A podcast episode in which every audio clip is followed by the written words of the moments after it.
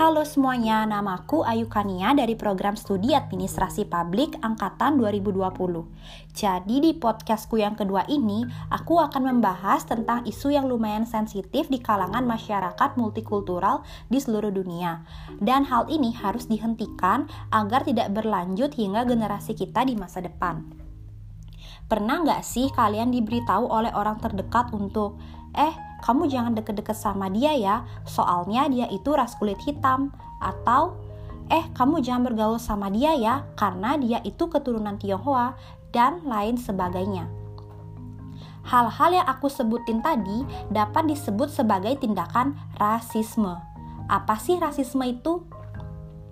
Jadi, rasisme adalah paham yang menerapkan penggolongan atau pembedaan suku, agama, ras, adat, golongan, serta ciri fisik seperti warna kulit dan bentuk wajah untuk tujuan tertentu.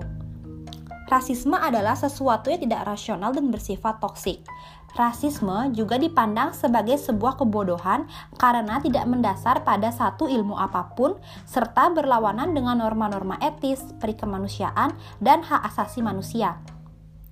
Tindakan rasisme dilakukan oleh kalangan ras yang dianggap unggul karena merasa lebih baik dan berhak melakukan tindakan rasisme kepada ras yang dianggap rendah atau minoritas.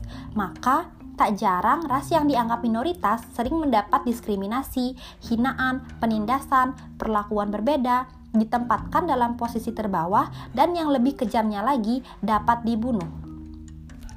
Di sini, aku akan mengambil contoh tindakan rasisme yang ada di Amerika.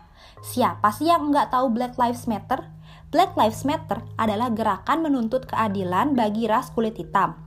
Baru-baru ini, marak terjadi gerakan Black Lives Matter akibat meninggalnya seorang laki-laki kulit hitam yang bernama George Floyd. Banyak orang-orang di seluruh dunia memprotes tindakan pihak kepolisian yang terlibat dalam pembunuhan Floyd. Sebelum kejadian Floyd, sudah banyak kasus rasisme yang dirasakan ras kulit hitam seperti perbudakan yang artinya hak-hak mereka dibatasi oleh orang kulit putih yang merasa bahwa rasnya lah yang memiliki kedudukan lebih tinggi dibandingkan orang kulit hitam. Semua yang telah aku jelaskan tadi berkaitan dengan teori konflik. Teori konflik adalah istilah yang bermula dari pertentangan kelas sosial antara kelompok tertindas dan kelompok penguasa, sehingga akan membentuk perubahan sosial. Karl Marx berpendapat bahwa tujuan dari masyarakat seutuhnya adalah menciptakan kondisi masyarakat tanpa kelas atau bisa disebut sebagai sosialisme yang identik dengan konflik sosial yang paling penting dalam perubahan sosial. Hingga saat ini, rasisme masih marak terjadi tidak hanya di Amerika, tetapi juga di seluruh dunia.